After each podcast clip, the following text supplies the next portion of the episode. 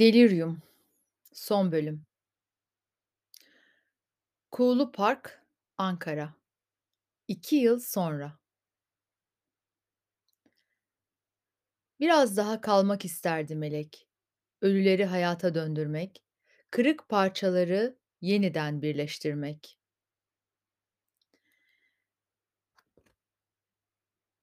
Sabah saatleri ruhun şahsiyet elbisesini giyindiği ve gözlerini tavandaki örümceğe ya da halıdaki topak olmuş kedi tüyüne dikip "Burası neresi?" diye söylendiği, hafızayı mekâna, mekânı da algı kapılarına ayarlayan meçhul bir alacakaranlık. Böyle uyandım bu sabah. Sırtımı Kuğulu Park'taki çınar ağaçlarından birine yaslayarak yazıyorum son satırlarımı. Göletin donmaya yüz tutmuş sığ suyunda siyah bir kuğu süzülüyor. Varlıkları besine dönüştüren şu alemi devranın yasalarına ben kim oluyorum da isyan edeyim? Kedere düşerek meydan okumuş olayım. Etim kelimelere gömüt. Yeryüzünün değil, belki de insanın acı yasası bu. Bildiğimi sandıklarımdan şüpheliyim. Şüphe ettiklerimdense daha bir emin. Tanrıların rüya nesnesi olmaya razıyım.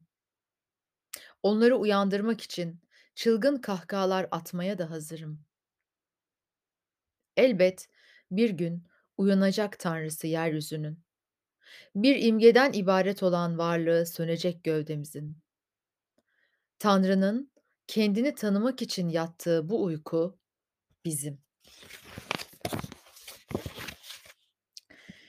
İmgeleri bedenlenmeye cezbeden yeryüzü varlığın yatağı.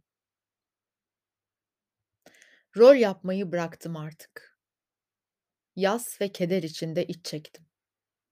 Nedir kayıp nesnesi hayatımın? Acı içinde kıvrandım ama neremdeydi acı? Hangi uzvumda? Canlı canlı gömülüler içimde. Ah, benim kayıp nesnelerim. Kendim de dahil yiyip bitirdiğim. Geriye kalan yekpare bir boşluğun hatırası gibiyim. Kendini yeniden, kendinden doğuracak ıslak bir rahim. Sevgili okur, bir ses vererek kurtarılabilir mi hatıralar? Dile gelerek ödenebilir mi kefareti kayıpların, ayıpların, ayıpladıklarım ve ayıplandıklarımın? İki yıl evvel bir anlam enkazı gibi yuvarlanıp ada hastanesinin bahçesine düştüğümde acım da kayıptı artık. Yeni bir dünya doğmuştu içimde. Boş bir dünya. Kayıpların da kaybolduğu bir dünyaydı bu. Nesnesi kayıp, kaybolanın ne olduğu bilinmeyen bir dünya. Bir melankoliğin kendi içini kazıdığı gözlerine dönüşmüştüm. La Penseur'ün önünde Saffet Bey'le vedalaşırken içinde bulunduğum durumun sadece yas olmadığını söyledi. İçi boş bir dünyayla yüzleşen, kayıp bir ruhun hüznüymüş yaşadıklarım. Saffet Bey bir kartpostal tutuşturup elime, gülümseyerek sıkıca sarıldı bana.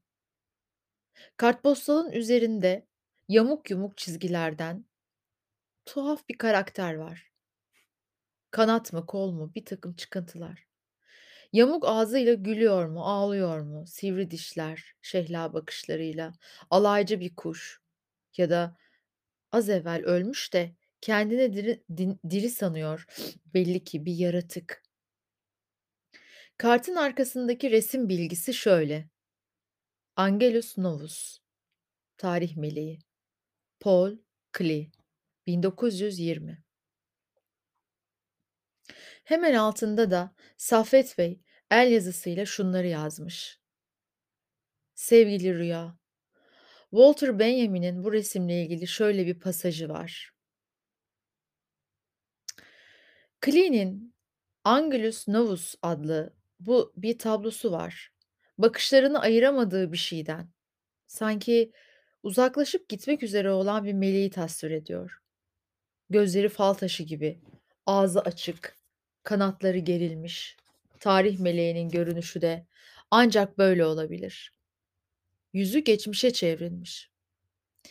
Bize bir olaylar zinciri gibi görünenleri o tek bir felaket olarak görür.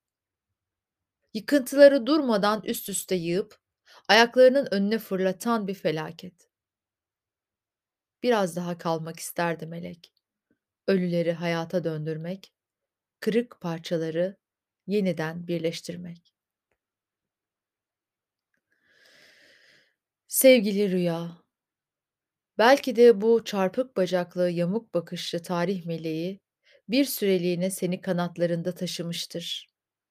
Göz ol gör, yazı ol yaz diye. Dile getirdince onurlanır belki ölülerimizde, tıpkı acılarımız gibi.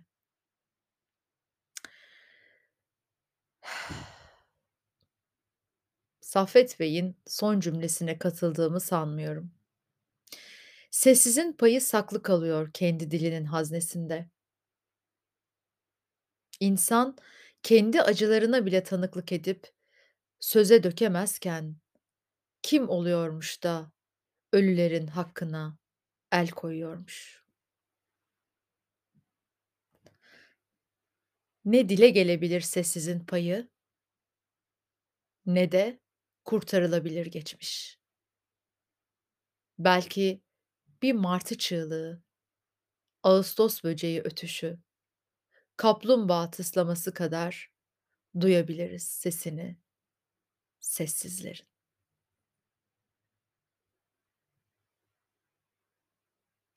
Son